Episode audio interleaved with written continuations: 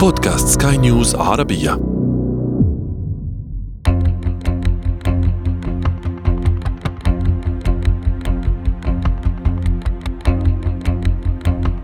سيكون السابع من أكتوبر من عام 2023 تاريخا مهما تماما مثل السادس من أكتوبر 1973 عوزي راي مدير مركز مشي ديان بجامعة تل أبيب الإسرائيلية. أهلا بكم. أنا عمرو جميل وهذا بودكاست بداية الحكاية. بداية الحكاية.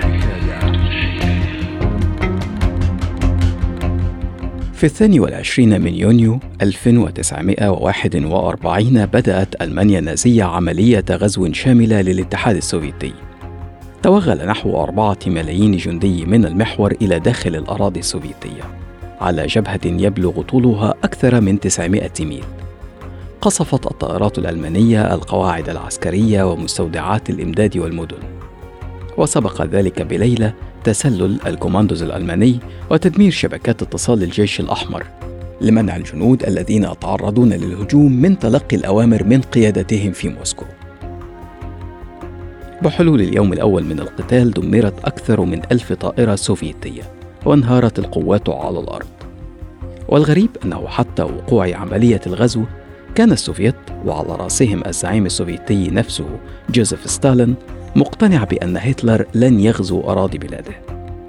بل إن ستالين اعتقد في البداية أن الهجوم عمل مارق قام به جنرالات ألمان. وخلال عشرة أيام من القتال كانت لقوات المحور السيطرة الجوية شبه الكاملة.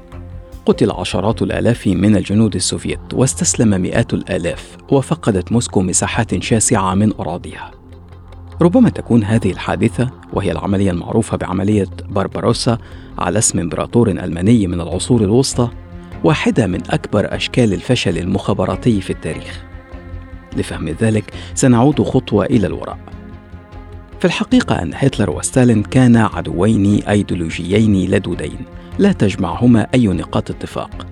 ومع ذلك وفي عام 1939 وقع هتلر وستالين اتفاقا لعدم الاعتداء تحت تأثير نقطة اتفاق واحدة الرغبة في التوسع على حساب بقية دول أوروبا.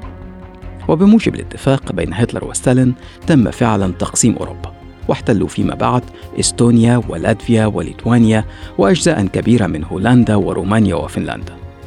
كان هتلر يرى أنه لا بد من تأمين جانب السوفيت أولا خلال غزوه لغرب أوروبا. ومع أن ستالين كان يعلم طموح وجنون هتلر لكنه رأى أن من مصلحته الشخصية قيام حرب بين ألمانيا وبريطانيا وفرنسا تضعف الجانبين وتمكنه هو من التوسع ثم دخول الحرب في الوقت المناسب وإلى الجانب المناسب طبعا. ومع أن المخابرات السوفيتية تلقت تقارير من جواسيس في رومانيا وسويسرا واليابان وحتى داخل ألمانيا نفسها تفيد بنية هتلر الهجوم على الاتحاد السوفيتي قبلها بشهور على الأقل لكن ستالين ظل مقتنعا أن هتلر لن يهاجم. لماذا؟ في النموذج الأساسي في العمل المخابراتي تقوم دورة الاستخبارات على مبادئ أساسية.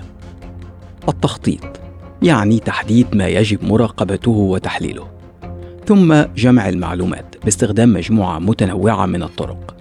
ثم معالجة هذه المعلومات وتحليلها ثم تعامل صانع القرار معه.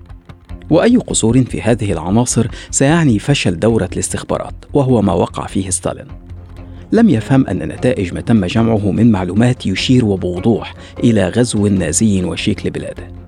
كانت لديه المعلومات، لكن كان هناك قصور في تحليلها. فشل في ربط النقاط ببعضها للوصول إلى النتيجة الصحيحة.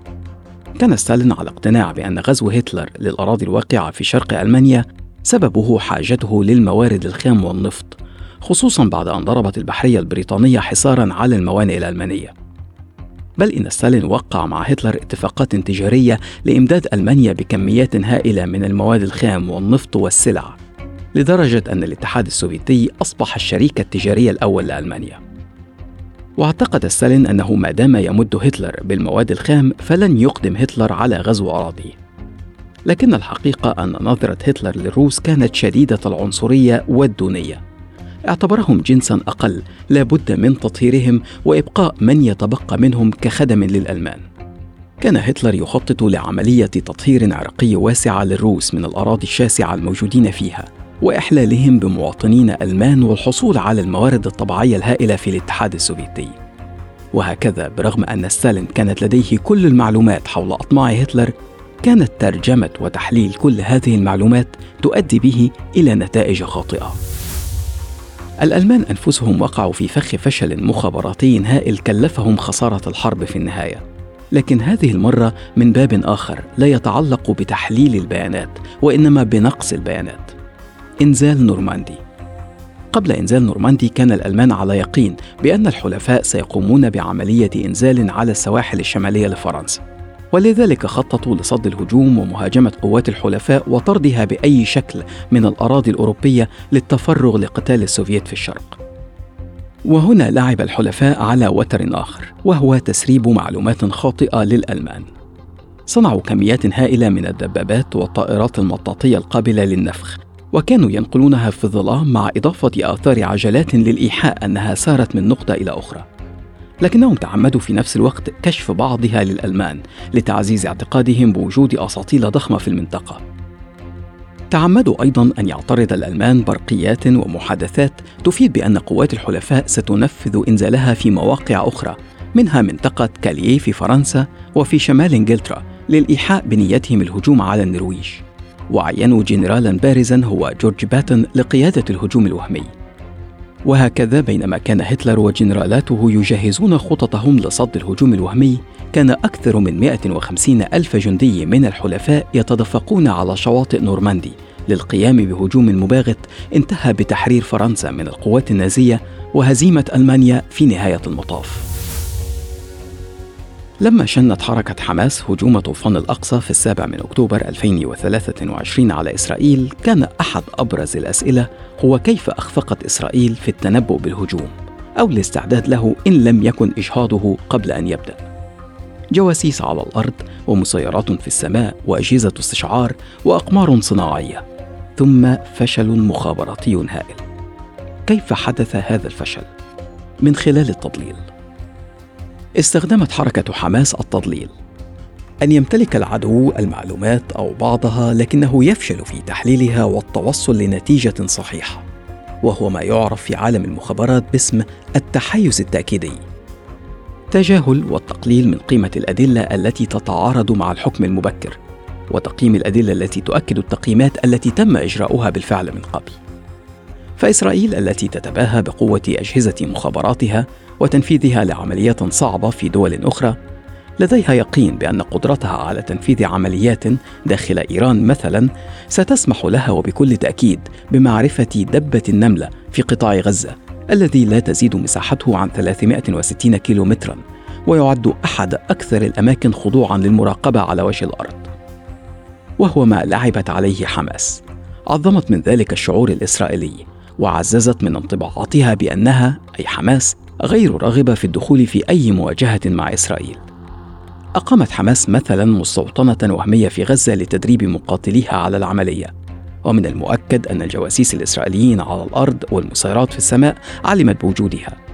لكن الحركة وعلى مدار أعوام ظلت توحي لإسرائيل بعدم رغبتها في القتال وإنها ترغب طوال الوقت في إحكام السيطرة على الأمور الداخلية في قطاع غزة والحصول على الأموال.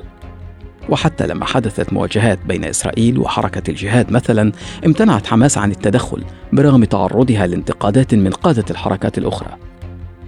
جانب آخر من التعمية كان استخدام حماس لتكنولوجيا العصر الحجري إنجاز التعبير مقابل استخدام إسرائيل للذكاء الاصطناعي.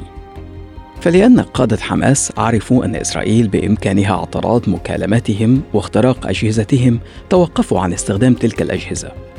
يعني باختصار نجحت حماس في تدمير دورة الاستخبارات الإسرائيلية. حرمتها من الحصول على معلومات وضللتها بتحليل خاطئ للمعلومات المتاحة ودفعت قادتها لاتخاذ قرارات خاطئة. بعد حرب السادس من أكتوبر 1973 شكلت إسرائيل لجنة أجرانات لمعرفة أسباب الإخفاق في توقع الهجوم المصري السوري. برغم مرور نصف قرن على الحرب ما زالت تخضع بعض أجزاء التقرير للسرية. لكن من بين الأجزاء التي رفعت إسرائيل عنها السرية كانت النتيجة.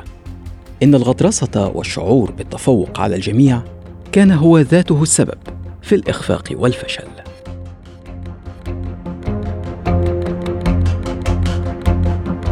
بداية الحكاية.